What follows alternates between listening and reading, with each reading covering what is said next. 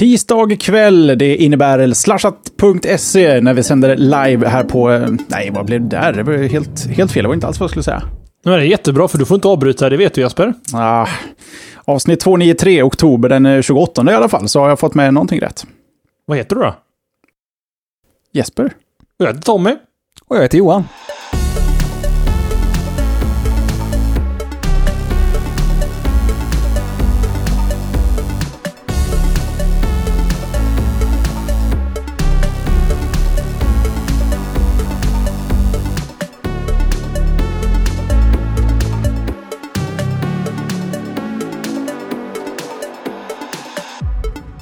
Ja, ska vi se om vi kan plocka upp eh, det här lite snyggare. då. Vi ska ju naturligtvis rapportera om eh, tekniknyheter som har hänt under veckan som har gått här.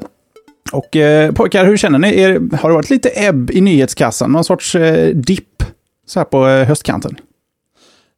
Nej, inte för egen del, men jag tror att eh, Johans eh, kassa har eh, ebbat ut lite, va? Finansiella teknikkassan i alla fall.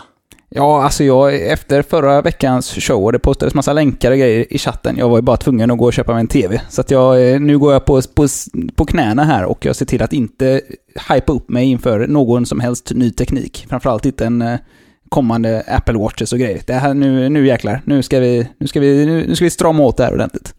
Att Johan har köpt en tv, det tyder ju absolut på att nyhetsflödet ändå har ökat. Det är ju en stor nyhet. Vi snackade om att ha veckans poll var, eh, är Johan nöjd med sin nya TV? Så bara Johan röstat Alltså, tänkte jag, jag har ju fått samtal från de, eh, de, de stora kvällstidningarna under, Mm. eh, under veckan här som har gått kring det här. Så att, det, är, det är ändå en stor nyhet ute i Sverige också. Jag inser att det här är början på slutet på mitt lån av din PS3 också. Ja, det... Jag skulle vilja säga att det är synd för dig, men det är ju väldigt bra för mig. För att jag har ju Ja. saknat min PS3. Så jävla så himla mycket. Ska vi nog ta och lösa det där. Sen kan man ju säga att, att, att köpa sig en PS3 idag kan ju inte vara jättedyrt, va? En tusenlapp eller två? Nej, inte ens två. Från vad jag har lagt på PS3 så här långt så är det ju en, en markant ökning så att säga. Men, och det, och man kan ju säga att det är en, alla de gamla konsolerna, det är ju ändå ganska bra investeringar. För man har, om man kan eh, stå ut med den något daterade grafiken så har man ju många guldkorn i den här gamla generationen. För det finns ju, har ju kommit ut mycket spel de senaste åtta åren sedan de släpptes. Så att eh, man har eh, mycket god speltid framför sig om man är sugen på att köpa sig en gammal konsol och inte haft den sedan tidigare. Eh, utan tvekan, om, om man är instegsgamer så är ju en, en PS3 eller en Xbox 360 ett utmärkt köp. Jag ser att Sony Playstation 3 Slim 500 GB kostar runt 11, 2000 eh, kronor, ser jag här. Mm. Man behöver inte, behöver inte ens vara instegsgamer. Jag menar, på åtta år har man gjort väldigt mycket bra spel, så om man inte absolut måste ha bäst grafik hela tiden, utan är mer intresserad av spelupplevelser, så finns det ju eh, även material för riktigt spelintresserade som bara inte riktigt har gett sig in på det. Och har man under de senaste åren bara haft en Xbox så kan man ju köpa sig en PS3. Och har man haft en PS3 så kan man ju köpa sig en Xbox. Det finns ju roliga spel på, som är exklusiva för de båda plattformarna som man har missat ändå genom att inte ha båda konsolerna. Mm. Ja, utan tvekan. Alltså jag var ju nära på att köpa en PS3, men så blev det en Xbox One istället. Och sen så började spelen komma till Xbox One nu äntligen egentligen. Det finns ju faktiskt ett par, tre spel jag vill spela men inte har tid att spela just nu. Eh, Så att det, det finns en liten backlog även på Xbox One redan. Bland annat idag släpptes ett nytt intressant action-RPG som hette Oh, gud. Sans of någonting kanske, som såg lite spännande ut. Men nu sitter vi bara och ordbajsar Jesper. Nej, men det gör verkligen ingenting, för det här tar oss jättesnyggt in på förra veckans poll om hur du helst köper spel. Det här är en fråga vi har återanvänt. Den eh, publicerade vi, om jag inte minns helt fel, i maj 2012. Så jag har lite siffror att jämföra med. Och frågan är ställd på precis samma sätt med samma alternativ. Och eh, frågeställningen var helt enkelt, hur köper du helst spel? Och alternativen var digitalt, i nätbutik och i fysisk butik. Vinnare i 2014 års variant av den här pollen är digitalt, till exempel Steam, med 60 procent, Kan jämföras med eh, 41 procent 2012. Så där eh, glider vi åt ett, ett mer eh, online-distribuerat eh, köpbeteende. I nätbutik 23% denna gången eh, vi frågade och 30% var det då 2012.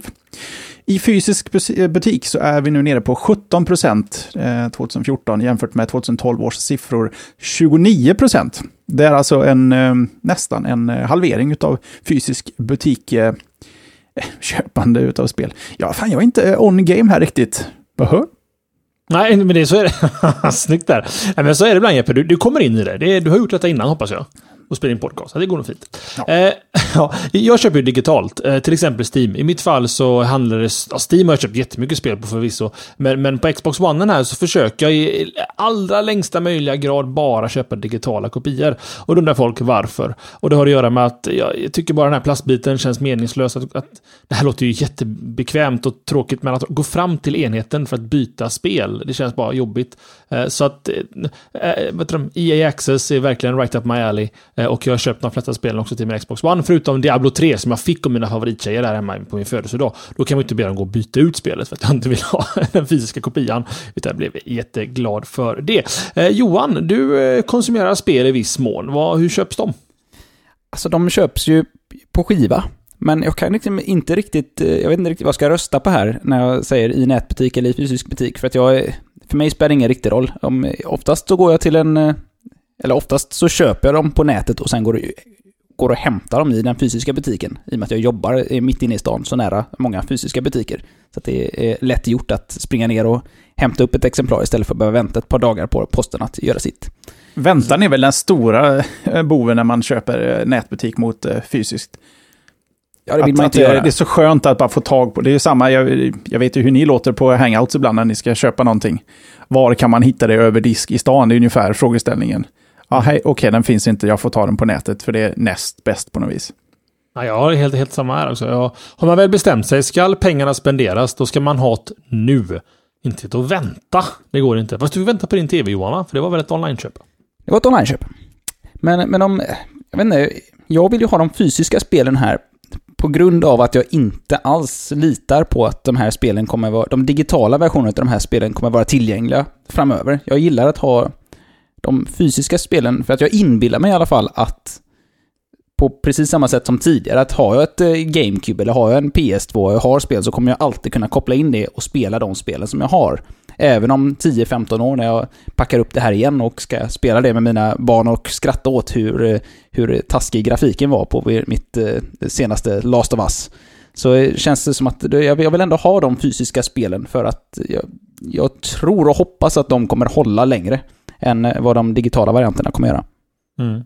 Nej, I mitt fall så köper jag ju bara från Xbox-butiken. Eh, det vill säga Microsofts egna entitet. Så man kan väl hoppas på att så länge Xboxen finns aktiv så borde den vara online. Men jag förstår precis vad du menar. Om tio år när man plockar fram Xbox One från vinden eh, och man ska sitta med barnen lite, då, då lär det faktiskt. Ja, det är inte garanti faktiskt. Ja, de har inte kvar sina musiktjänster som de startade i början av 2000-talet exempelvis. Så att där, mm. alltså, sådana här saker läggs ju ner. Eh, så att när det inte finns, när det inte längre finns något ekonomiskt incitament till att hålla hålla dem levande så lägger ju företagen ner dem. Och då är det skönt tycker jag att ha fysiska kopior där. Även fall, alltså man har ju andra problem man har fysiska grejer. Det kan ju bränna ner eller bli stulet eller, eller vad som helst.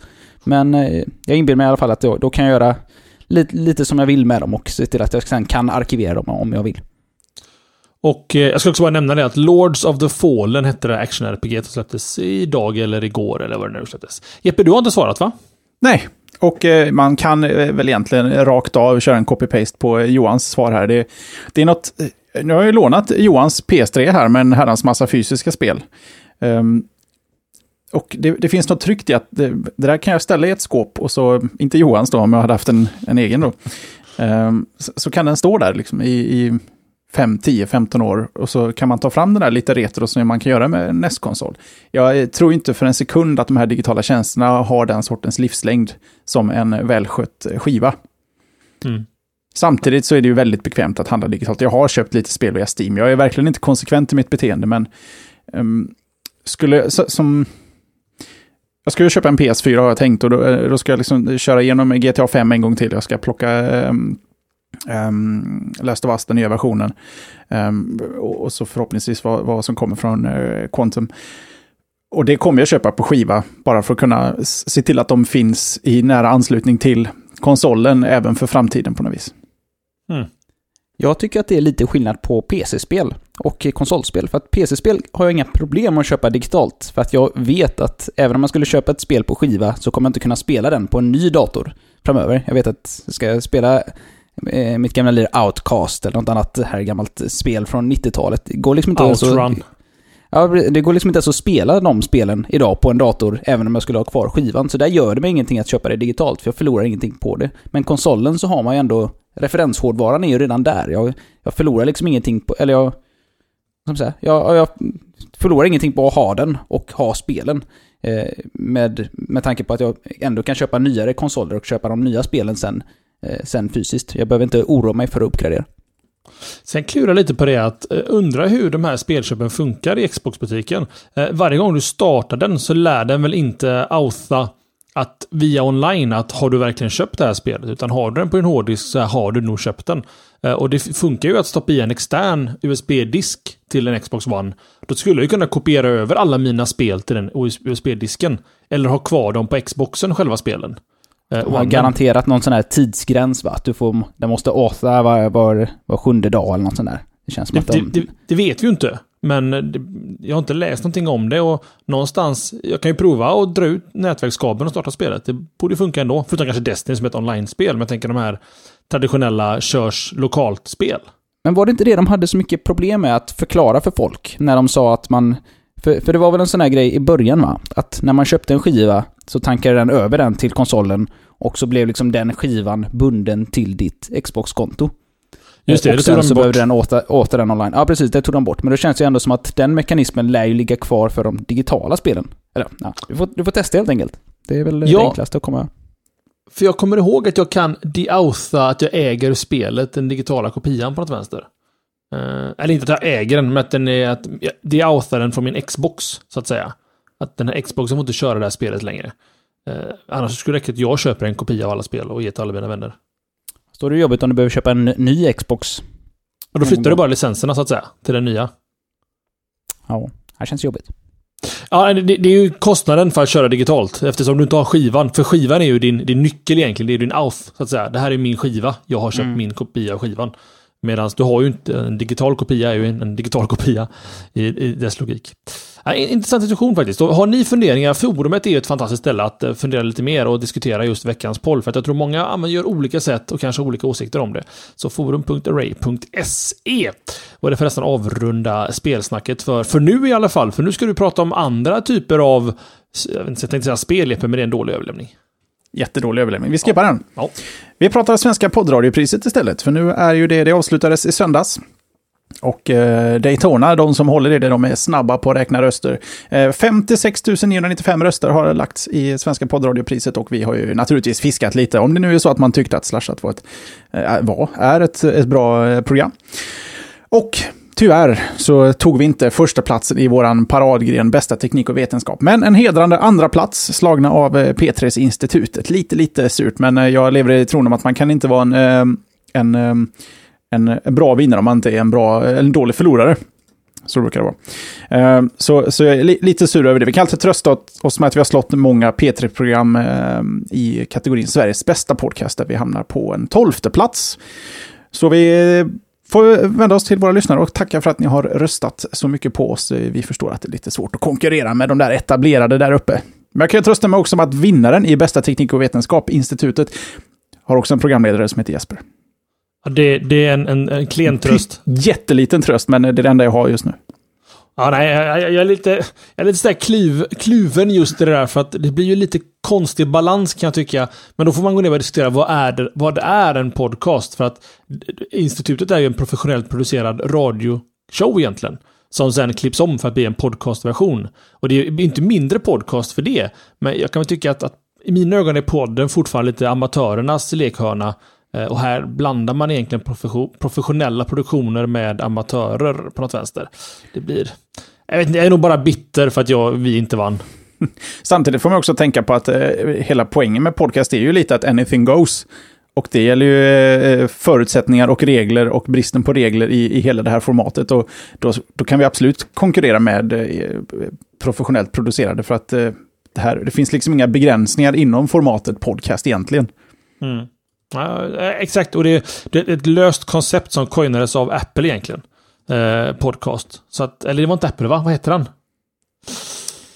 Det var någon. Ja, det var någon. Skitsamma, det var någon som coinade uttrycket. Sen har vi bara använt det egentligen. Eh, Leo Laporte som kör Twit-nätverket i USA, han föreslår ju Netcast istället. Man ska kalla det för det. nätsändningar egentligen, vilket är mer logiskt. Fast frågan är, de sänder ju det på nätet. Alltså jag gillar, alltså jag gillar ju podcasts. En, en podd för mig, visst, eh, Apple har ju, eh, använder ju det uttrycket för att kunna eh, knyta det till iPods såklart. För det var ju så i, i den bemärkelsen som de lanserade det. Men jag tycker ju ändå att man kan använda, eller jag, när jag tänker på podd så tänker jag på en sån här liten rymdkapsel. Så att det här är liksom en kapsel med innehåll som jag kan konsumera när jag vill. Och på det sättet så tycker jag det fungerar bäst, bättre än en netcast exempelvis, som känns mer som bara en radiosändning som sker över nätet. Mm. Men eh, ja. Alltså, ja, för net, net låter ju streamat, podd låter liksom fast, ett, ett inkapslat, ett, ett komplett avsnitt så att säga. Fast, fast det är ju cast-biten som är problemet. Net eller podd, det bryr jag mig inte så mycket om. Det är ju cast, för cast för mig är...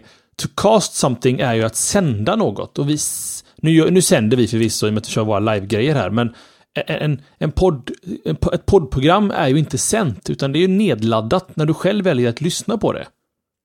Och Då är det ironiskt att P3 kallar sina för poddar och de är sända. Ja, ex exakt. Ja, jag vet inte. Jag, jag, jag, jag är kluven i den här frågan, men det har nog att göra med att vi är ett, ett, ett, nytt och växande medium som, som egentligen inte är definierat från början, utan vi kommer nog hitta våran roll här. Det, sen, sen, som jag sa, det, det, är mycket att jag är bitter, men jag tycker kanske inte att P3-produktioner har att göra bland podd... Nej, det har de väl kanske. Jag vet inte. Jag vet, jag vet inte. Vi skulle ha vunnit. Vi har lagt ner nu, tänker jag. Vi behöver inte göra mer shower. Om inte får fler röster så gör vi inte. Eller? Nej, jag skojar. Nej, men som du skriver i chatten där Jeppe, jag lånar det du skriver. Tack så jättemycket till alla som röstade. Det betyder hela världen för oss att ni faktiskt tog i tiden eh, att dels sälja en e-mailadress utan att på något sätt få några konsekvenser med det. Men faktiskt att ni valde att rösta på oss. Det värmer hela hjärtat hos mig och säkert resten av grabbarna också va? Yes. Fint. 17 minuter in, ska vi börja beta av lite ämnen? Ja, det är ju lite tunt där, men du har ett första ämne som är riktigt spännande. Ja, och det innehåller ju en av våra favoritsaker, statistik och siffror. Och vad är det då? Jo, det är .se, vad heter den? Stiftelsen för... Eh, jag kanske jag skulle skrivit ner. Internetinfrastruktur i Sverige heter det va? Mm. Close enough, säger jag. De, eh, de, vi, hade ju med dem, vi pratade ju lite om att de auktionerar ut eh, domäner här, eh, här om veckan. Men nu har de presenterat en rapport som de har kört under ett eh, antal år. Och den eh, rapporten har att göra med svenskars internetvanor. Och fokus i den här undersökningen, det är en jätterapport och så kan man eh, professionella människor kan få tag på, på hela rapporten. Men de delar ut en del av den här rapporten så man kan kika på den eh, även vi dödliga som man bara kan besöka eh, .se.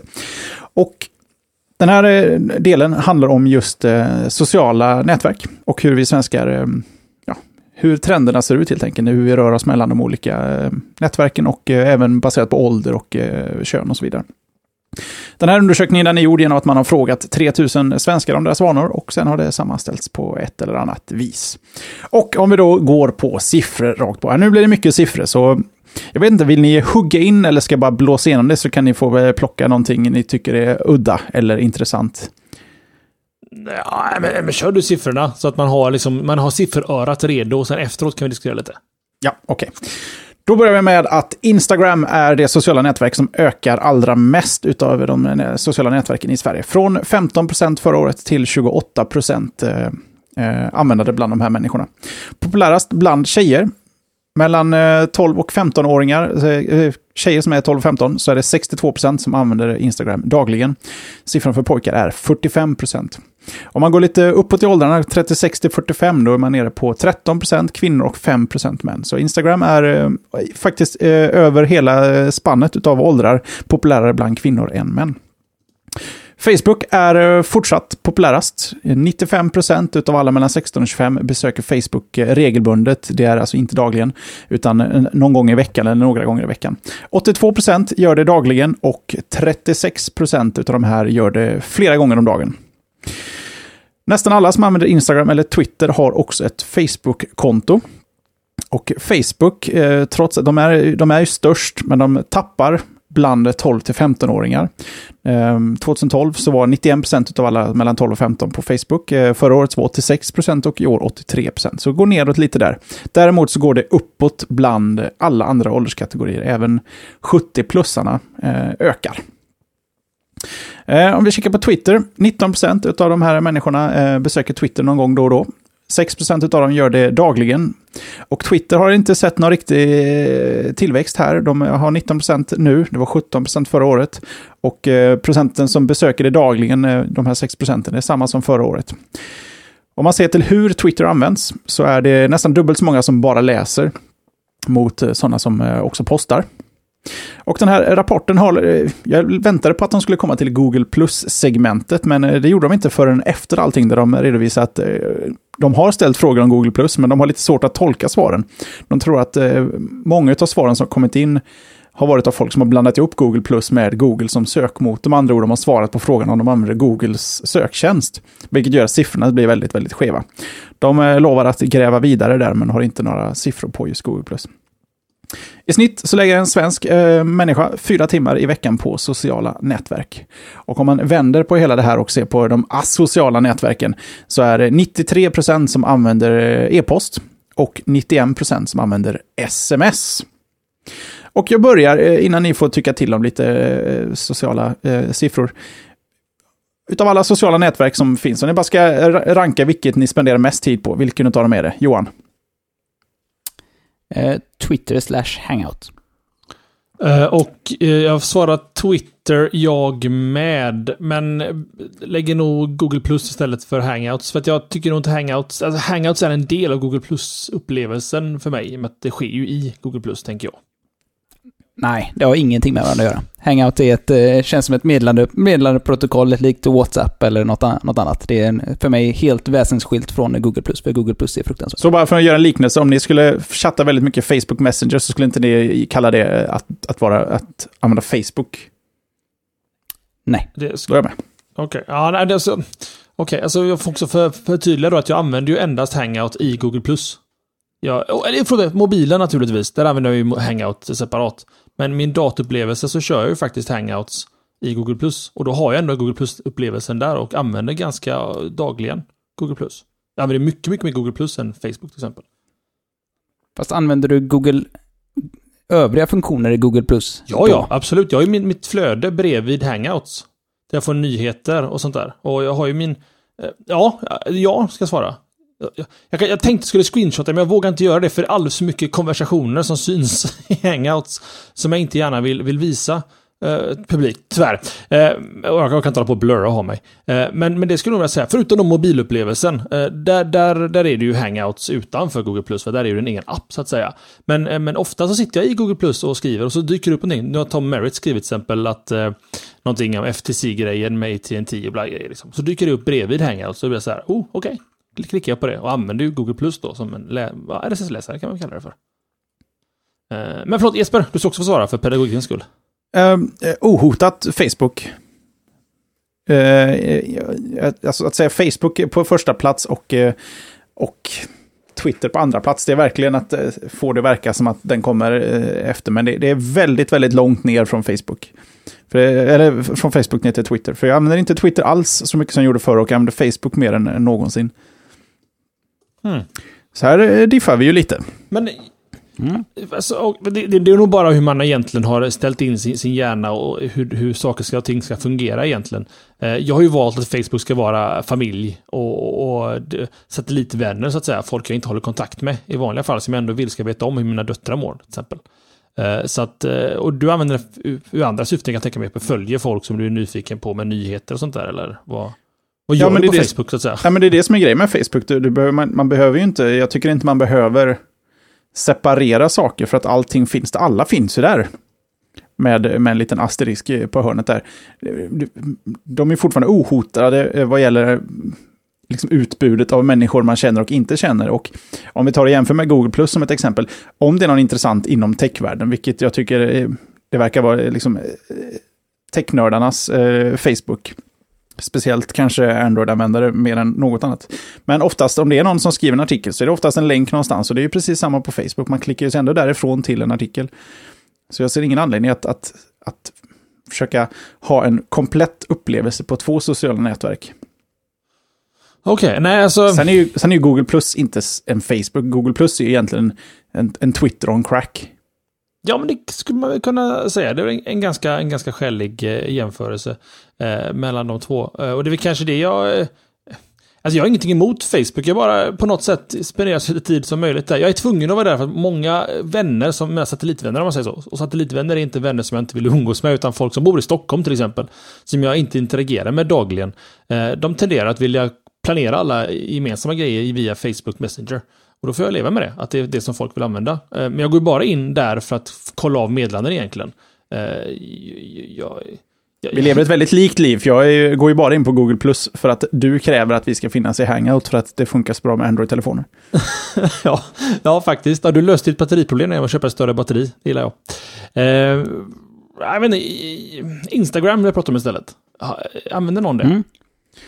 Absolut. Det ligger ju på en... Om, om jag ska eh, slösa lite tid på en, eh, under, under, eh, under arbetsdagen på någonting, så blir det ju i första hand... Nej, jag tror att Twitter och Hangout hamnar på första plats. Om någon som har skrivit någonting på Hangout så kommer jag gå dit. Annars kommer jag gå till Twitter. Sen kommer jag gå till Instagram. Okej. Okay. Men Instagram ligger ju före Facebook för mig eh, alla dagar. Fast där är sån här rolig också skillnad för mig. Är jag på mobilen så är det snarare Instagram, Google+, sen eventuellt Facebook. För det är Instagram först. För jag gillar bara ligga i sängen och flicka igenom bilder på kompisar och sånt där. Jag vet inte, det finns någon, finns någon kanske inte njutning i det. men men det, finns, det finns något tillgivande med det. Eh, Jeppe, Instagram? Alltså jag försöker ju verkligen Instagramma, men det, det går väldigt långsamt. Det, det kan, jag har för få saker att fota. Jag är aldrig inne i Instagram och tittar på andras, men jag kanske... Jag tror inte jag har sådär, letat upp vänner och lagt till, utan jag har lagt till lite sådär sporadiskt folk som man eh, av någon anledning någon har följt mig, jag har postat en bild, de har tryckt på gilla eller vad det nu heter där, så poppar det upp en påminnelse och jag ser, aha, den där har också Instagram, så lägger jag till den. Så det är liksom, jag har inte lagt till en bred mängd människor som jag skulle vilja se bilder ifrån. Och då skulle jag säkert använda det mycket mer, men eh, de där bilderna ser man ju ändå på Facebook, för alla postar alltid till Facebook också. Men är det så enkelt då bara att, att det, social, det sociala nätverket du använder är det du har lagt ner mest tid på, helt enkelt? För, för jag har kurerat mitt Instagram ganska bra och kurerat mitt Google Plus ganska bra, men skiter blankt i Facebook. Och hittar inget värde alls i Facebook just nu. Du har kurerat Facebook jättebra, eh, men inte kurerat Instagram och känner att Facebook är mycket bättre än Instagram. Eh, det kanske är så enkelt då. Där vi har lagt ner tid att fixa och kurera, där blir det bästa för oss egentligen. Ja, man väljer en, en häst och så eh, liksom spelar man på den på något vis i, i första hand. Sen är det så, ni vet det här borde man nästan ha någon sorts slashat trademark, när internet tar slut. Ja, just det. Man ligger, eh, har suttit på mobilen, man har kollat alla appar, alla tjänster, gjort alla saker och så är det någonting man, man vill göra något mer för man har mer tid att slå ihjäl. Det är då man börjar gå ner på liksom... Reddit. Second citizen. Uh, ja, jag har uh, den här AMA-appen, är jättebra om man vill slå ihjäl lite tid. Men det finns liksom andra klassens appar och sociala nätverk som jag besöker när tid finns och alla andra saker är förbrukade. Och när de är klara, det är då man går till Google+. Ja, just det. Nej, men alltså, jag, jag tror det handlar om, om kurering där. Men som sagt var, jag har en, en following, eller following heter min grupp, med ungefär tusen pers inom teknikvärlden som jag är nyfiken på att följa. Men det är ju precis som Twittergrupper egentligen. Det, det, det här är lite mer rich media bara. Egentligen. Och det finns ju jättemycket intressant där i. Men det har ju bara att göra med att det, det är ju min lilla filterbubbla liksom med saker jag är intresserad av. Liksom massor av Android-grejer till exempel. Så jag menar, nej. Ja. Det, det, där var det är. Och, men att siffrorna reflekterar väl ganska bra, kan, kan jag tycka. Ungefär. Facebook är ju ohotat störst då, som du sa Jeppe. Ja, de är ju det. Uh, och Insta men alltså, vi nämnde det, jag tror jag hade en liknande ämne för en vecka sedan eller två. Där jag sa att ungdomar lämnar Facebook. Och då sa jag det att det spelar ju faktiskt ingen roll för Facebook, för de äger ju ändå Instagram. Så att uh, de får gärna gå till Instagram, tänker nog Zuckerberg. Ja, han är nöjd med det. Det är okej. Okay. Och sen är det mellan 12 och 15 som lämnar Facebook. Det ökar i alla andra åldersgrupper. Så det är, det är nog ingen Facebook-kris på gång inom kort i alla fall. Nej, för böven. Och så, sen också så ungdomarna kommer tillbaka sen när de får ungar. Och ska lägga upp bilder på sina ungar någonstans. Så att det, det, det, allting löser sig. Det går finfint.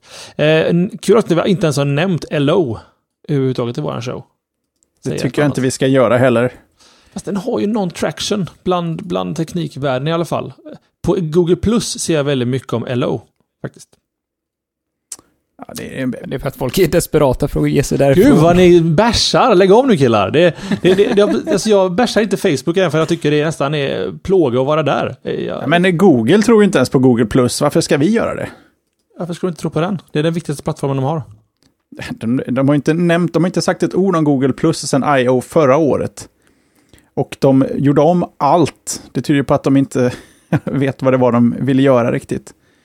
Fast, fast Google den, Plus den, handlar ju bara om att vara användarplattformen för Google-tjänster. Att binda samman alltihop. Jo, jo, men då har de gjort ett socialt nätverk för Google. Det, det, det är inte en tjänst för människor. Det är ju en... Det, I Googles... Det ska vara... Det ska göra Google glada först, sen användaren. Det är ju fel inställning från början. Det här är ju ett, det är ett jättesmart sätt av dem att liksom knyta ihop allt. All information om dig. Snarare än att göra en bra tjänst för dig. Fast det, alltså det är ju inte så att Facebook gör en allmännyttig tjänst så de tycker att, att det här kommer hjälpa världen framåt. Nej, men den har ändå skapats med det som avsikt och liksom det, det finns fortfarande med på något vis, även om de har tjänat grot med pengar på det sedan det, liksom har blivit eh, börsintroducerat och blivit eh, världens största sociala nätverk. Men Google Plus tycker jag ändå, det känns som att hur kan vi få in mer data av våra användare? Vi gör ett socialt nätverk. Och så bygger vi det så att vi kan samla data på ett maximerat vis på något vis. Det, det känns inte som den har gjorts utifrån ett behov. Riktigt. Håller, håller ju inte alls med. Men det, det kan vara en diskussion för en annan dag kanske. Så vi kommer vidare lite i showen. Får en Google Plus Battle special. alltså det, på samma sätt som att, som att jag inte använder Facebook så använder du Google Plus. Om du skulle sätta dig ner och verkligen kurera igång Google Plus så skulle det funka förmodligen lika bra för dig som Facebook. Om du inte så att du bara vill ha information från dina föräldrar, för att de finns ju inte på Google Plus. Jag vill ju bara se information från, från folk inom teknikvärlden och då är Google Plus ett utmärkt verktyg för mig. Så att säga. Jag gillar ju Google Plus rent visuellt och funktionsmässigt, förutom att man inte kan stänga av eh, GIF, GIFar. Det är jävligt irriterande när man har eh, hangouts uppe hela tiden. Men eh, att, att, att inte människor finns där, att de har ju, vad sa vi, 700 miljoner användare. Och det är ju verkligen inom citationstecken, det är ju användare som tvingats in, för det är liksom användande användare är ju inte, är ju inte i närheten av de siffrorna. Och, och, och, för att ett socialt nätverk ska, ska funka för mig så måste det finnas folk. Fast nu tar du väl siffror i luften väl? För att, hade du inte ett ämne för bara några månader sedan? Där de hade jo. räknat folk som har postat på Google Plus senaste månaden. Jag har bara kvar eh, minnet av att eh, Facebook låg på 1,2 miljarder och att Google Plus hade 700 miljoner. Men det är konton som är kopplade till Google Plus då. Men de har väl tagit bort den spärren nu. Nu måste man inte vara Google Plusare. Alltså de har 1,15 miljarder konton. Och har... Och 35 procent av de kontona är inne minst månad, en gång i månaden och är aktiv på sajten. Google Plus då, inte inloggade till Google-konto. 35 procent av 1,15 miljarder är väl, ja, vad står det, 359 miljoner användare. Ja, det är ju inte mina vänner. Jag, jag försöker alltså, hitta folk, men det finns, det är ju, det är ju ni. Alltså jag får, jag får återkomma argumentet då att det finns ingen på Google+. Plus Och det, det, har väl att göra med att mamma och pappa inte finns där. Och det är, det är inget problem i mina ögon. Det, det, finns onekligen väldigt mycket aktivitet på Google+. Plus. Uh, sen om det är bra eller dåligt, som jag sa, det, det, eh, på samma sätt som, som jag tycker Facebook verkar meningslöst, så tycker du Google Plus verkar meningslöst. Det handlar nog bara om att sätta sig in i det, kurera, skapa ett flöde och, så att man får den intressanta informationen till sig. Ja, så kan det absolut vara och det är väl precis som med Instagram. Men vi, vi sparar det till vårt Google Plus Battle då. Mm, det tycker jag absolut. Och så bara för att jämföra då, för att få lite perspektiv. Um, Facebook har uh, eh, 1,23 miljarder månatliga aktiva användare. Så det är inget snack om saken att Facebook är massivt och mycket, mycket, mycket större än Google+. Det är absolut inte det jag argumenterar för. Det är bara att här, folk säger att det är en inne, att det finns ingen Google+. Och det, ja, det upplever inte jag så. Men, men, men, så är det helt enkelt. Eh, Johan, du har varit jättetyst på en stund. Har du något sista du vill pumpa mm. in här? Eller känner du att du ska gå vidare? Nej, jag tycker att eh, vi absolut eh, basunerar vidare. Mm. Då gör vi detta. Eh, jag kan vara lite snabb och kort. Jädrar, ni har en liten grej emellan där. Vill ni ta den nu? Den kan bli ganska lång. Ska vi spara på den så kör jag en snabbis emellan. Jag har en snabbis emellan, så eh, snabba in den. Ja, jo, eh, det är nämligen som så här att tonåringar sägs använda ah, röstsökningar mer än vuxna. Eh, Google har betalt för en undersökning om hur människor använder röstsökningar på mobiler.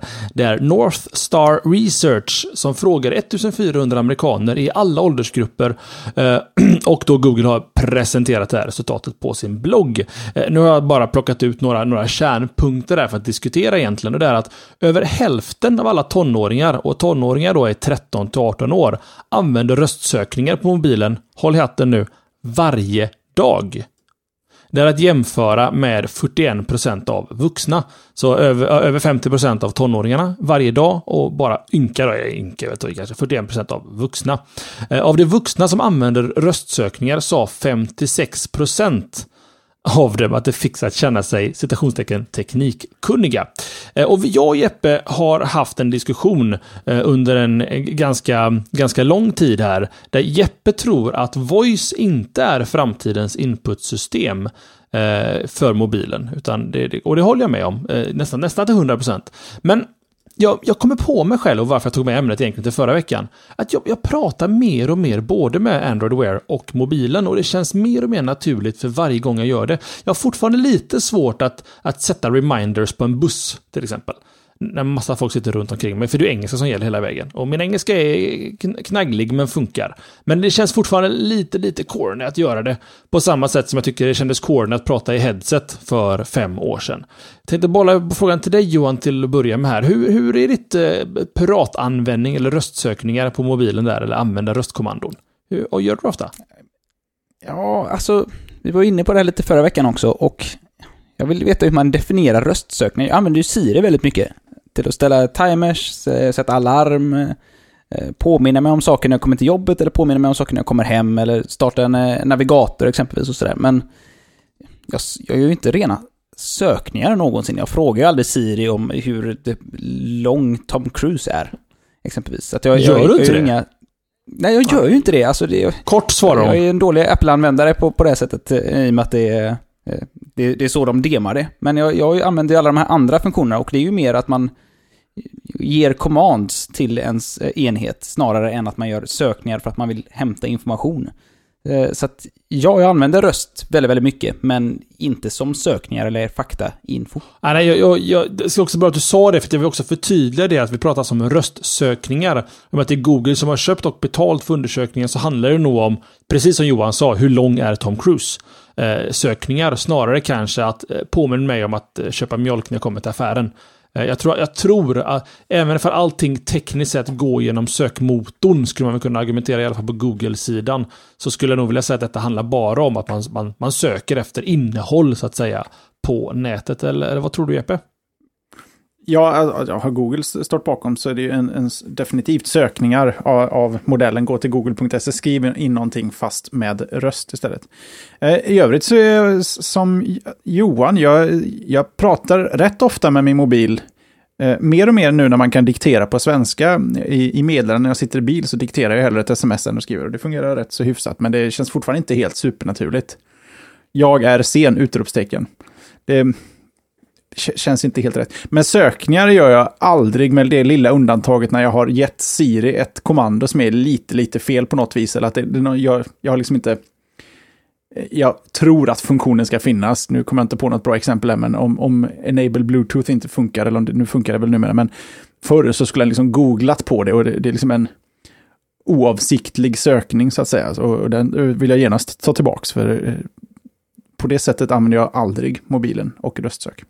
Alltså, jag tenderar att använda röstsökning, alltså ren informationssökning, när jag ställer eh, frågeställningar. Till exempel, vem spelar huvudrollen i den här filmen? Eh, när alltså själva frågeställningen är formulerad som en fråga. Men däremot om jag ska söka efter eh, Cyanogen Mod, eh, senaste patchen eh, för eh, HTC One eller vad som helst. Då, är det skriva som gäller, för då vet jag att den kommer inte plocka min röst på det. Ehm, men till exempel, Who played the main character in, jag vet inte, Taken. Så kommer den svara. Vad heter han? Jeppe? Liam Tack så mycket Johan. Eh, så att, nej men jag, jag, det, här var, det här får bli en kortis och jag är fortfarande förvånad då att 41% av faktiskt vuxna röstsöker. Jag kan förstå att 41% kanske säger, som, som Johan var inne på där, att eh, när man kokar ägg, set timer for 7 minutes. Eh, det är ju jättebekvämt att kunna säga till klockan i Android-världen eller till mobiltelefonen i eh, iOS-världen. Det är ju supersmidigt. Det finns ju ingen poäng att ta fram mobilen och börja fingra med menyer och grejer för att ställa in sju minuter. Eh, så att jag, jag, jag, lägger den här på lådan lite, den här sessionen, och så ser vi lite hur det blir framöver med just detta. Eller var det någon som hade en liten sista vinkling av alltihop här? Alltså, jag funderar lite på, är man kanske bara lite skadad av kontrollbehovet över hur man söker i en, i ett, liksom, på google.se i en webbläsare. Man vill liksom ha kontroll. Man, ibland liksom ska eh, orden in mellan eh, citationstecken, man ska ha med en domain site eller man vill ha, liksom ha kontroll över sökningen. Man vet själv, i, i alla fall historiskt, att bara skriva mening rakt upp och ner i Google har inte alltid gett särskilt bra resultat för den väger orden lite fel. Nu, nu, vet jag ju av erfarenhet att det funkar bättre om man bara säger meningen eller frågan rakt ut i Google Now till exempel. Men det kanske är någon sån här mental grej, lite som att gå från att köpa musik till att prenumerera på musik. Att jag vill ha kontroll över min sökning, jag kan liksom inte bara slänga ur mig en mening och hoppas få rätt träff. Jag tror inte att de här siffrorna stämmer. alltså det, Skulle det Google låter, fixa och göra en undersökning någonsin? Ja, men det låter, alltså de här, jag tycker det låter så fruktansvärt osannolikt de här siffrorna. Ja, men ja, de kanske har andra eh, beteenden där borta i, i staterna. Jag, jag, jag, nej, jag tycker det låter märkligt att det skulle vara så många. Men, men. Jag, jag är lite inne på ditt spår med. Och sen så, alltså 1400 människor, det blir ju inte ett exakt snitt av alla, så att säga. Och sen får vi komma ihåg också att... de, de har frågat på Google Campus. ja, just det. det ska inte gå för långt. Liksom. Sen, sen får vi komma ihåg också faktiskt att samma undersökning visar att fler människor i nordöstra USA använder röstsökningar än människor i sydvästra USA. Nu har jag redan sagt svaret till er, men det kan bli en liten tankenöt för våra lyssnare. Varför använder fler folk röstsökningar i nordöstra USA kontra sydvästra? Så kan vi gå in på veckans poll, så lovar jag att svara efter bollen då. Vad rätt svarar. Se om chatten kanske kan också i vår livesändning. Har vi någon, eh, någon eh, poll är det inte, utan forum tror jag, Epe? Jajamän, det har vi. Och det är Fjorjun än en gång. Han är återkommande i veckans forum-trådsammanhang. Han skriver bra trådar helt enkelt.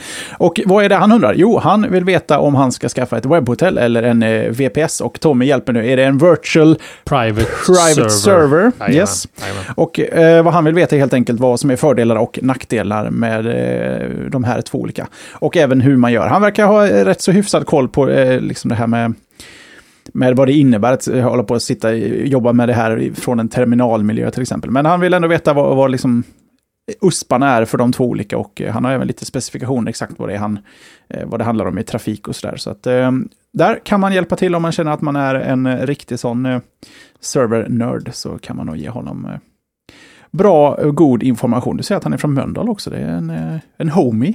en, en god gubbe. Mm. Är, jag, jag gillar honom redan mer. Ja, verkligen. Eh, och eh, alltså VPS och webbhotell, där finns, har jag mycket att säga och det gör jag såklart på forum.array.se. Sa du vart den fanns Jeppe? Eh, det sa jag inte, men den finns på allmänt övrigt, eller i allmänt övrigt på forum.array.se. Chatten sitter ju som på nålar här. Varför använder folk röstsökning mer i nordöstra än sydvästra USA, Jeppe? Jag har ju sagt svaret till dig. Ja, de, de har kläder på sig. Exakt. Man vantar och Yes, det är kallare i nordöstra, så man har oftare vantar på sig och varma kläder. Och då är det svårt att interagera med mobilen. Därför så är det mer naturligt för dem att prata med mobilen. Medan i sydvästra USA så är det betydligt varmare, det ligger neråt Mexiko och grejer va. Där har man inte vantar på sig lika ofta. Lätt det kan vara ibland. Och så vad pedagogiskt det blir. Jag är så nöjd, jag bara lägger på nu. Mm. Får jag bara snabbt backa till vårt Google-undersökningsämne här? Ja. Jag kikar lite grann här på bara vad de eh, när de kollar på voice search. Alltså Google definierar voice search också som ask for directions, uh, call someone, check the time, play a song. Och då är vi inne på mitt och Johans område också. Ja, då, är vi inte, då är vi inte ute på webben och tar reda på saker alla gånger. Det var lite det jag var inne på. Det. Jag klurar på att, att det är ju sökmotorn i slutändan som kommer att försöka förstå vad det är du vill göra. Och sen säger du play a song by Coldplay. Så är det ju en sök... Det är ingen sökning någonstans måste ju mobilen bestämma sig för ska jag göra det här lokalt eller ska jag ta mig ut eh, hem till eh, hembasen och fråga? Lurigt. Ska vi släppa det? Vi har massa ja, ämnen och klockan ja. är jättemycket. Det, där det... Kan man, det finns en show notes-länk till det där, så kan man titta på fina grafer med stora siffror med procenttecken efter. Och det är ju faktiskt så att vi har lovade ju förra veckan att den här veckan skulle vi prata lite om iPhone 6 och iPhone 6 Plus. Och det tänker säkert många, men vad fan har ni inte gjort annat att prata om Apple? Och det har vi, lika mycket som Google. Men det finns en väldigt, väldigt, in, väldigt intressant infallsvinkel här och det är ju faktiskt att både Jeppe och Johan äger iPhone 6 respektive iPhone 6 Plus. Bakvänd respektive det. Eh, och ni har haft en vecka var killar med mobilerna. Ska vi börja med dig Johan? Du har sexan va? Mm. Hur smakar den? Alltså, har den böjt sig? Det är en väldigt trevlig telefon. Den har inte Nej. böjt sig. Eller det har jag i och för sig inte kollat, men jag har mitt eh, fodral så att jag, den lädret kommer nog ändå jämna ut den, tänker jag. Om den, om den nu har böjt sig så kommer inte jag märka av det. Eh, nej men alltså det är en supertrevlig telefon. Jag har fortfarande... Ja, nej, jag ska, jag ska rätta mig själv. Jag har inte problem med storleken längre. För att jag, av någon anledning så har jag börjat hålla telefonen på ett sätt eh, som gör att jag inte riktigt känner av att jag behöver sträcka mina fingrar så mycket som jag behövde förut. Jag vet inte vad som har ändrats, men någonting har ändrats. Eh, däremot så tycker jag fortfarande att varje gång jag ser min iPhone 5S liggandes på, på kontoret, alltså jag suktar lite efter den eh, telefonen. Jag tycker att det är fortfarande den perfekta storleken. Så att, eh, ja, nej men det, alltså, hårdvarumässigt, superb telefon, grym kamera, prestandan går liksom inte att klaga på, men jag kunde inte klaga på prestandan hos min 5S heller. Skärmen är trevlig och bra. Eh, jag vet inte, den här svärtan som de pratade så mycket om, den märkte jag av från, eh, från första stund att den var betydligt bättre. Så att den är, en, en trevlig skärm och allting funkar bra. Den är... Hade jag fått välja så hade jag velat ha den i en mindre storlek. Hade, velat, hade de haft tre stycken telefoner i sin lineup, en 4-tummare, en 4,5-tummare och en 5,5-tummare, så hade jag lätt valt 4-tummaren. Eh, Jesper? Ja, ja det, det, finns ett, ett, eh, väldigt roligt Simpsons-avsnitt där de åker ut i öknen någonstans, eller det finns bergsklättrare och grejer, så står, eh, jag vet inte om det är han, eh, läraren Skinner, och så kommer de bergsklättrare och klättrar upp på honom, för att de, de klättrar på allting där, och sen så fastnar han där uppe, och så måste någon liksom klättra upp efter och hämta honom, för han kommer inte ner från toppen. Och jag märker, jag kom på mig själv med att att ha en 5,5 tums iPhone jämfört med att ha en 4 tums. Jag vandrar verkligen med handen runt och längs med den här telefonen. Det är verkligen, jag bestiger telefonen på något vis. För att det är ett helt nytt sorts sätt att hålla i telefonen. För den är ju, den är, jag, jag tycker fortfarande inte den är inte ohanterbart stor, men den är väldigt stor. Det kräver ett helt nytt sätt att greppa den. Och eh, du, finns det en klar knapp längst upp i högra hörnet, det finns, du kommer aldrig nå dit med tummen, det finns inte en chans. Du måste börja klättra lite och, och glida längs sidorna. Och eh, de första två dagarna hade jag jättesvårt eh, för det. Var, det kändes jättekonstigt. Och för det första, telefonen är ju hur hal som helst, så jag var tvungen att slänga på ett skal omedelbart. Annars eh, hade den åkt i backen eh, från början. Där har verkligen form gått före funktion. Jag tycker den är alldeles för hal för att inte befinna sig i ett skal. Men man vänjer sig och det går väldigt fort. Och nu när jag, jag har fortfarande inte, jag har, har min iPhone 5S här, som ligger framme av någon anledning på, på mitt vardagsrumsbord. Och den ser ju så fruktansvärt liten ut. Och det är väldigt intressant hur man mentalt kan vänja sig vid eh, något, eh, något, helt nytt på ett sånt sätt att det som var, har varit standard så jättelänge helt plötsligt känns pyttelitet. För nu, nu har jag inga som helst problem med att eh, ha att göra med det. Man, jag, jag kan navigera. Jag kan röra mig över hela skärmen med en hand. Det är kanske inte fördelaktigt alla gånger, men å andra sidan, jag står ofta med mobilen i en hand och, och, och petar med den andra, eller har den i ett porträtt, eller förlåt, ett landskapsläge och, och latcha runt. Så att um, man vänjer sig förvånansvärt fort, fortare än jag trodde, för jag var lite besvärad i början. Jag var väldigt, väldigt nöjd med, eh, för jag vill ju ha en större skärm. Jag har sålt min iPad Mini och eh, ersatt den och min iPhone 5S med den här och eh, det här tycker jag den gör alldeles utmärkt ifrån sig. Och nej Tommy, min har inte böjt sig heller. Ja, där försvann han. Ehm, nej, i alla fall, det, det här, och den får plats i fickan. Jag som inte normalt sett har i fickan, men nu när alla säger att du ska inte ha den i fickan så blir man väldigt, väldigt eh, medveten om när man faktiskt stoppar den i fickan. Eh, eh och där får den plats utan eh, problem. Och det allra trevligaste med den här mobilen är batteritiden. Den är alldeles fantastisk och, och det finns ju Android-mobiler som är hur stora som helst, som har hur stora batterier som helst, som förmodligen då räcker hur länge som helst. Eh, vi är inte riktigt så vana vid det på en iPhone, utan det känns som att Apple varje år har gjort den snabbare och sett till att batteriet på något sätt ändå motsvarar föregående eller lite bättre.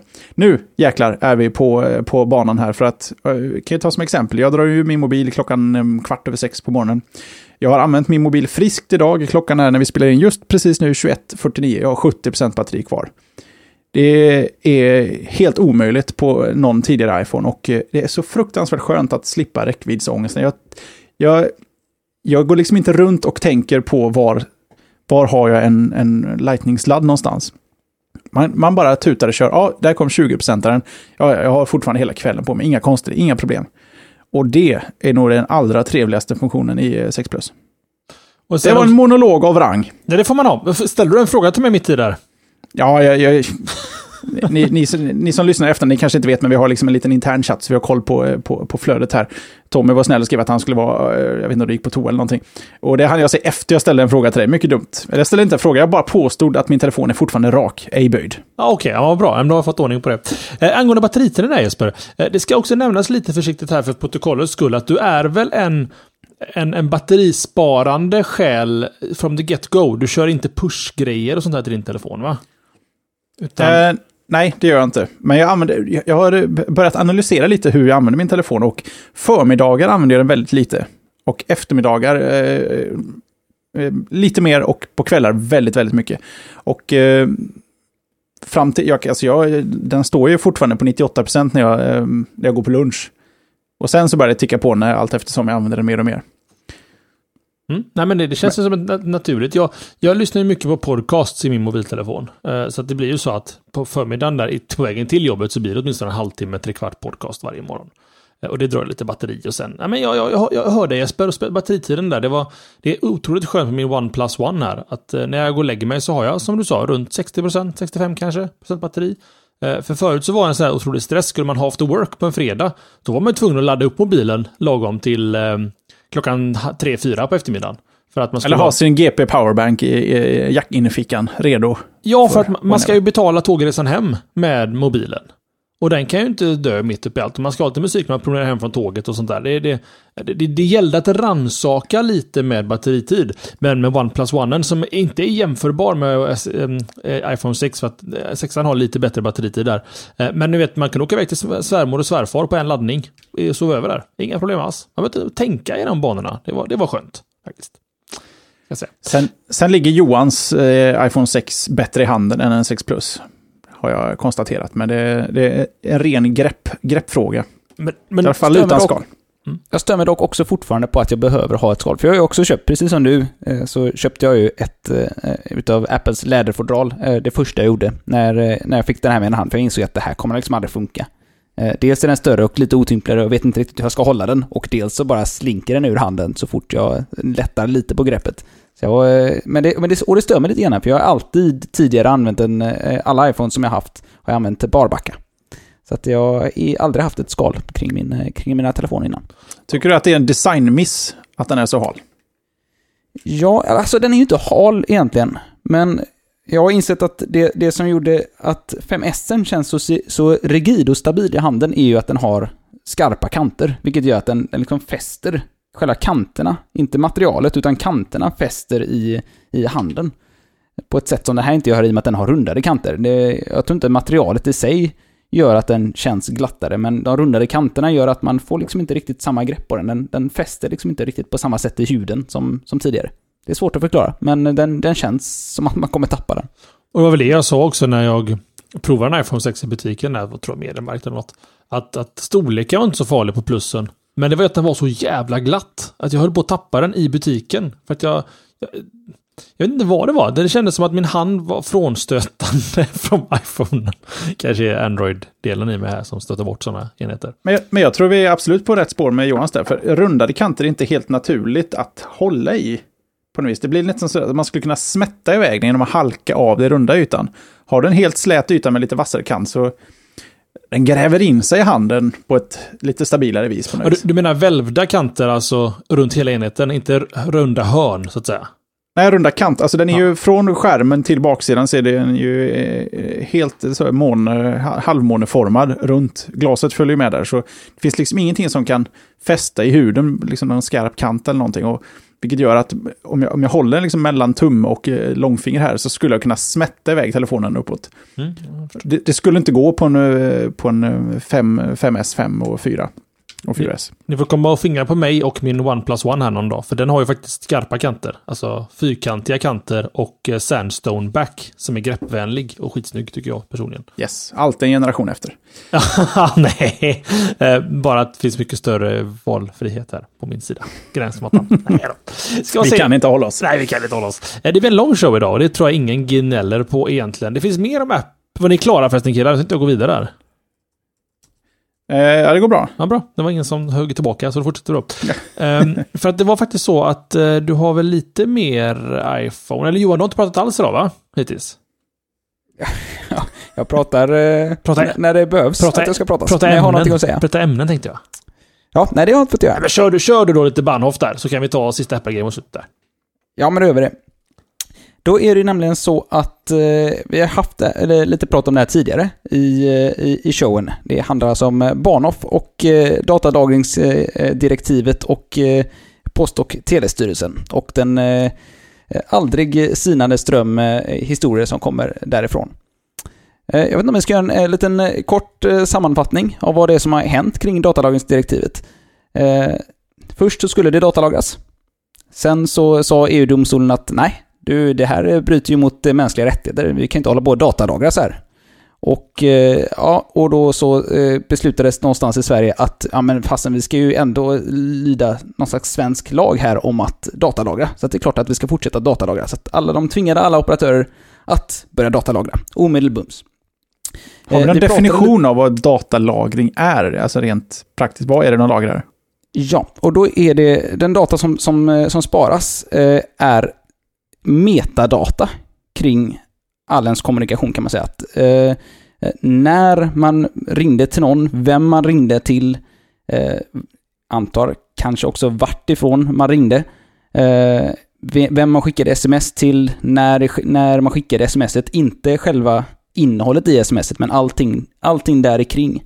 Eh, och samma sak med eh, eh internetkommunikation. Man, man Eh, alltid IP-adressen som du ansluter från med din enhet exempelvis till, till någonting annat och vilka sajter typ du har varit på, antar jag. Eh, vi pratade mycket om det här i avsnitt 274, för att då var det eh, mycket snack om eh, eh att EU-domstolen eh, det var, det var ju de som sa att det, var, eh, att det här skulle strida mot de mänskliga rättigheterna inom, inom EU, så att det här fick man liksom inte göra. Och vi pratade mycket om det här och gjorde en sammanfattning om allting som hade skett upp till dess. Så jag kan ju rekommendera att om man är sugen på det så kan man ju gå tillbaka, lyssna eh, de där minuterna som, som, som det tar och så kan man hoppa tillbaka sen i det här, eh, eh i, i det här eh, avsnittet. Ehm, för det som har hänt nu då, om man, för nu, nu, nu förutsätter jag att ni som är intresserade av det här, ni har gått tillbaka, ni har lyssnat och nu kommer ni tillbaka och så vet ni mycket mer än vad jag gjorde, för att jag, då hade jag läst på mycket, mycket mer när jag pratade om det här förra gången. Eh, men nu i alla fall så eh, har eh, eh Barnoff eh, blivit tvingade utav Post och telestyrelsen att eh, börja datalagra. För Barnoff började nämligen aldrig datalagra efter det att den här svenska lagen skulle träda i kraft. Det här är väldigt rörigt alltihopa känner jag, så fort man börjar prata om det. Men Bahnhof, som enda operatör i Sverige började aldrig datalagra igen efter det att alla andra operatörer tvingades till att börja datalagra. De anmälde sig själva och sa att du, vi datalagrar inte. Eh, vad ska ni straffa oss med? Eh, och då kommer eh, Post och telestyrelsen tillbaka med att säga att jo, vi ska straffa er med 5 miljoner kronor om det är så att ni inte börjar med datalagring nästan omedelbums, eller ni har fyra veckor på er att göra det här. Och då vill vi att ni ska börja datalagra.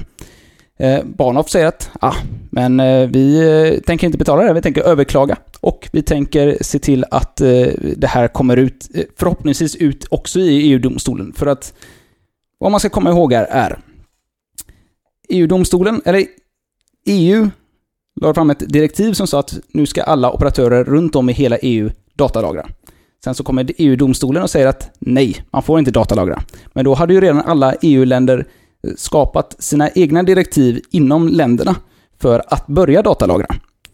Och vad som händer då är att eh, Barnoff säger att med det här EU-domstolens direktiv om att man inte får datalagra, det väger tyngre än eh, den här lagen som vi hade i Sverige för att man ska datalagra.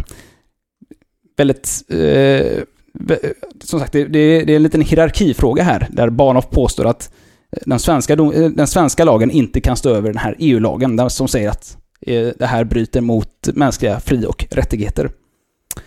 Eh, de säger också att om de nu tvingas eh, börja lagra data så kommer de ha en plan B. Eh, jag vet inte riktigt vad eh, den här plan B är. De har inte avslöjat vad den här plan B är. För vad, vad, vi vet, det skulle kunna vara att de bara drar igång Tor på alla connections för att alla, man aldrig kommer kunna, aldrig ska kunna spåra vad folk har gjort. Det förutsätter att de inte gör. Men no, någonstans har de en plan B för vad de ska göra om det är så att de tvingas datorera. För att de är väldigt, de säger sig själva vara väldigt, väldigt måna om den personliga integriteten och se till att folk eh, inte trackas utav deras operatörer och att den här trafiken inte ska sparas. Hmm. Alltså, Förstod man någonting av det här? Ja, Johan, ett skitbra recap. Att det här är nog en sak som många hör om och kanske vill veta mer om, men som kanske inte har tiden eller lusten eller intresset att insätta sig in i. Det här var väldigt bra pedagogiskt eh, förklarat. Eh, och sen så är jag helt fel ute om jag, om jag tänker att detta är lite PR-strategi från Bahnhof. Alltså det är det säkerligen, men det gör inte så mycket för att eh, PR-strategin innebär att de faktiskt utmanar de svenska lagarna och utmanar det svenska rättsväsendet så att man om ingen annan gör det och de är de enda operatörerna som gör det så, så krävs det ju det för att man ska se till att, eller fråga, ställa sig frågan snarare, att är det här en vettig lag att ha? Eh, och det är ju det de försöker göra och säger att men vi tycker inte att den här lagen är vettig, eh, därför vill vi inte göra det här. Straffa oss med det ni kan, uh, men vi vill att det här ska utredas i en, i en domstol och gå till någon slags högsta instans som, som får bestämma. Mm. så att det, Logiken är ju också att de är ju en av de så att säga drabbade operatörerna, vilket gör det väldigt logiskt för dem att ta den här stansen och faktiskt diskutera och säga att nu får vi lösa detta e- egentligen. Um, för det blir ju, alltså, jag kan tycka att detta är en politisk fråga egentligen. Uh, kanske Piratpartiet fråga egentligen att, att ta tag i ganska mycket och vara väldigt vokala med. Men jag har inte hört så mycket om den här frågan överhuvudtaget i vardagspolitiken. Vilket är lite konstigt. Jag har bara Barnhofs uh, kamp mot den egentligen. Så att säga. Jeppe, hade du fundering? Ja, eh, får jag fråga vad, vad ni tycker om datalagring, Johan? Jag tycker ju att det inte kan komma någonting gott av att lagra data på så bred front som, som det här är. Och det tror jag vi pratade om i, i förra, eller förra showen som vi pratade om det här också. Eh, jag jag tror inte att det är en bra utväg. Jag, jag, tycker att man ska kunna ha möjligheter att övervaka någons datatrafik om den personen faktiskt är misstänkt för något, något brott.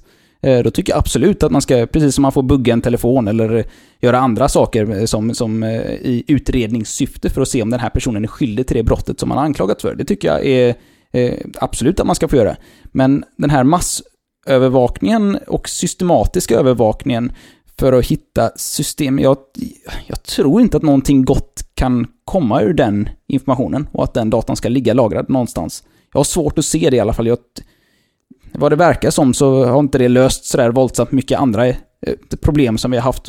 Man brukar prata, eller eh, ofta när eh, folk som förespråkar den här typen av datalagring pratar om det här så, så vill de ju oftast säga att amen, Tänk på våra barn, tänk på alla pedofiler, tänk på alla terrorister, tänk på... Eh, och, och, att det är liksom de här stora frågorna. Men jag, jag, ser liksom inte framför mig att det kommer... Att det hjälper i det här.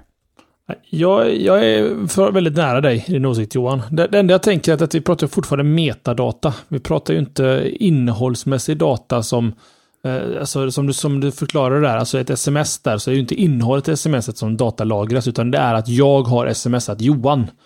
Det är, det enda som lagras egentligen. Eh, och Vilket jag tycker är ännu farligare. Alltså, för, för, det, för det innebär att det inte finns något sammanhang i det här. Tänk om jag har råkat smsa någon som... Eh, eh jag vet inte. Tänk, jag kanske haft en kompis som jag smsat som jag inte hade en aning om att den, att den personen skulle gå en skolskjutning någonstans.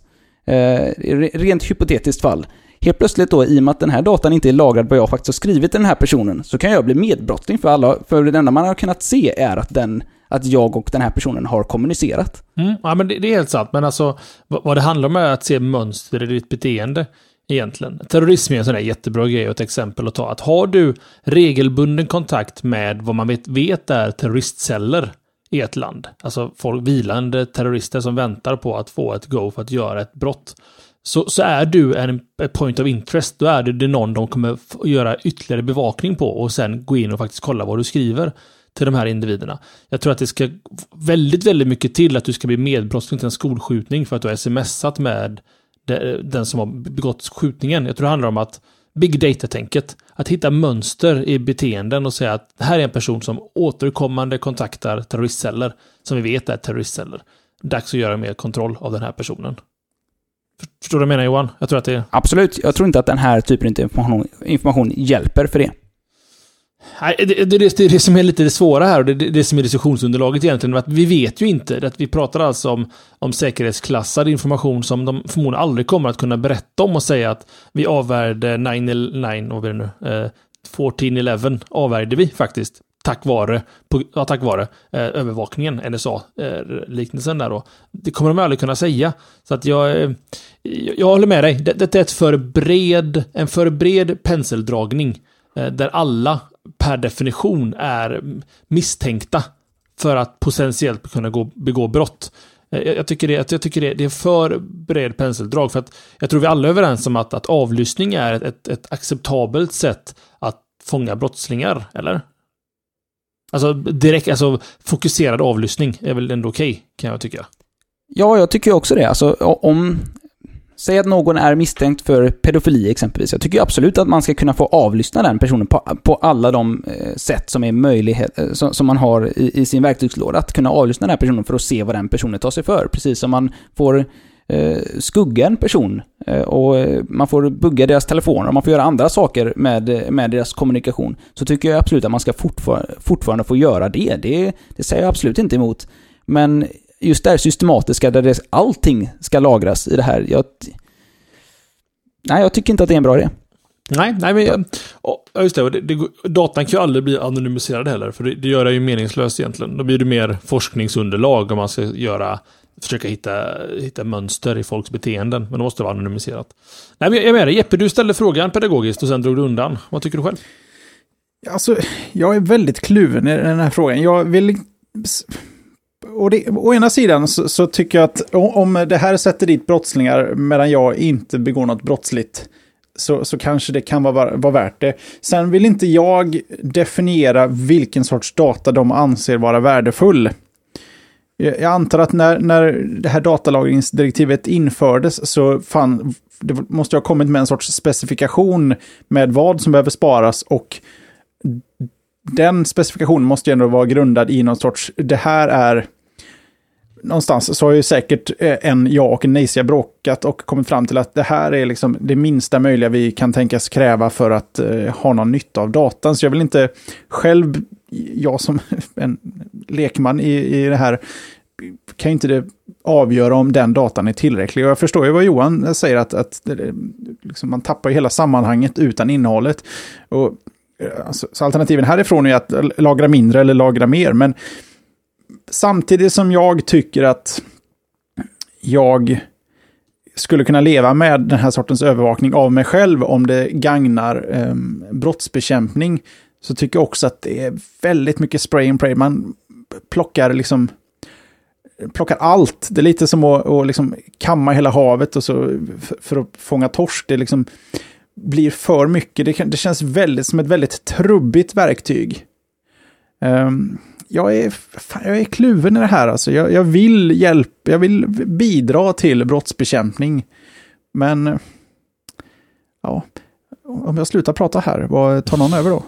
Jag kan säga att det bästa vore Minority Report-grejen där, att man begriper innan man begår brottet. Kan vi inte komma till den punkten, tänker jag? Ja, förutom eh, den Fatal Flaw som den filmen råkar ut med. Att... Ja. Nej men det, alltså, det, det, finns det där jättebra exemplet, broiga, ett bra svenskt ord som inte finns. Eh, just med, eh, det finns en amerikansk journalist som eh, under flera år eh, inte embeddade sig i Al-Qaida men var väldigt, väldigt aktiv och nästan var en kvinna eh, som, som googlade mycket på Al-Qaida, eh, besökte personer inom Al-Qaida och allting. Hon sa det att hon vill inte ens tänka på vad eh, säkerhetspolisen i USA har för register på henne egentligen och misstankar om hennes verksamhet. Hon är ju en journalist som i sin, sin yrkesroll faktiskt har som jobb att övervaka Al-Qaida. Eh, och då blir det liksom det, som Johan säger, att hon är, hon, kom, hon är ju väldigt misstänkt för någonting som hon absolut inte har gjort något, något brott med egentligen. Så att, eh, jag gillar som du säger Jeppe, spray and pray, det är ingen bra grej. Eh, slashat user 17736, en anonym lyssnare här i livekanalen, tipsar om internets underbarn med Aaron Swartz. Det är inte helt hand i hand med vad vi pratar om idag, men vill, det, det, är tillräckligt bra för oss att faktiskt eh, eh, tipsa om den dokumentären om Aaron Swartz. Det, eh, du har också sett den Johan, va? Nej, det har jag inte gjort än. Aha, okay. Jag har en Apple TV som jag kan eh, dra upp min eh, SVT Play på. Och nu vägrar jag titta på någonting som är mindre än 47 tum. Ja, naturligtvis. absolut. Jag fick för mig att det var du som tipsade om den, till mig till och med. I... Ja, det gjorde jag. Ja, just det. Jag har ju sett den och den är ju fantastisk. En och en halv timme eh, som, som eh, hur, hur, amerikansk vet du, domstolshets dödade kanske en av, av världens smartaste ungdomar. Eh, ja, unga vuxna. Han var 25, 26. En, en briljant människa som var med och skrev till exempel eh, Open... Fan, tappar massa ord där. Vad heter den här licensen du kan... Eh, Creative Commons var med och skrev som 13-åring. Till exempel. Och Reddit. Och Reddit också, fast Reddit är en ganska liten grej vad den här killen har åstadkommit egentligen. Reddit var det som gjorde han finansiellt oberoende när, eh, Condé Nast, vet du, de det företaget köpte dem. Eh, mm. Han har gjort så mycket, mycket annat och viktiga grejer för internet. Sopa och Pippa-grejen där i USA drevs ju mer eller mindre av Aaron Swartz. Se yes. dokumentären, superviktig eh, och verkligen förlorat en, en väldigt ljust lysande stjärna på internethimlen, tyvärr. Eh, chatten är on fire här runt omkring datalagringsdirektivet. Och det är superviktig diskussion att ha. Jag är glad att vi belyser det. Och tycker också det är bra att eh, Bahnhof faktiskt gör det också. Även om det finns det kanske ett PR-intresse någonstans långt bak så är det viktigt att faktiskt prata om de här sakerna lika väl som Gamersgate. Och sexualism nej, inte sexualism, det behöver vi inte prata om, men eh, sexuell objektifiering, både av kvinnor och män på nätet. Det är jätteviktiga diskussioner att ha. Jag är glad att vi har det här utlöploppet att prata om det. Eh, vi har haft en lång show ikväll. Vad säger du Epe? Du skriver att du puttar lite på dina ämnen också va? Nästa vecka? Ja, för den eh, involverar en del eh, diskussion och det känns inte som vår våran klocka är upplagd för diskussion just nu. Mycket bra. Och i och med att chatten är så on fire med datalagringsdirektivet så föreslår jag att man skapar sig en topic på forum.array.se eller gå in i någon topic som kanske redan finns och diskutera detta vidare. Det är otroligt viktiga frågor. Eh, sist och minst så har vi faktiskt en, en, en jubilar idag. Någon fyller tio år och det är vår vän Ubuntu som fyller tio år grattis till Ubuntan.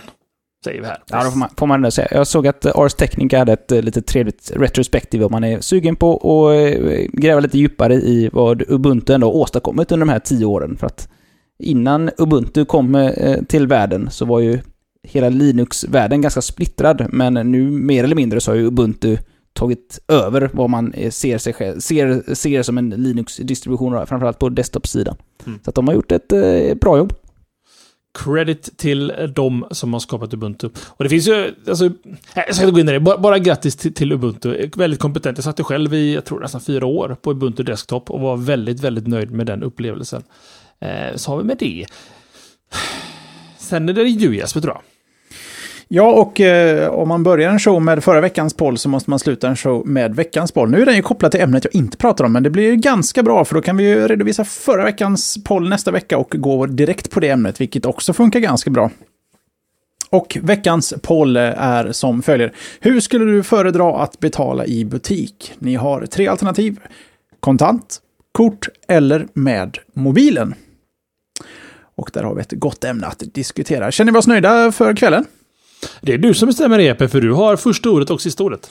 Just det, det är så det är. Ja, jag passar på att tipsa naturligtvis om forum.array.se som vi har pratat om så många gånger. Eh, vill man visa sin eh, monetära uppskattning för Slashat så kan man alltid ta sig till slashat.se donera och eh, ge en engångssumma, liten, stor, eller om man vill prenumerera på någon sorts ehm, donationssnurra, återkommande donation heter det. Um, slashat.se om. Där finns alla länkar till där vi finns på Twitter och Facebook och Instagram och Google plus naturligtvis eh, eh, social network of choice kan man säga.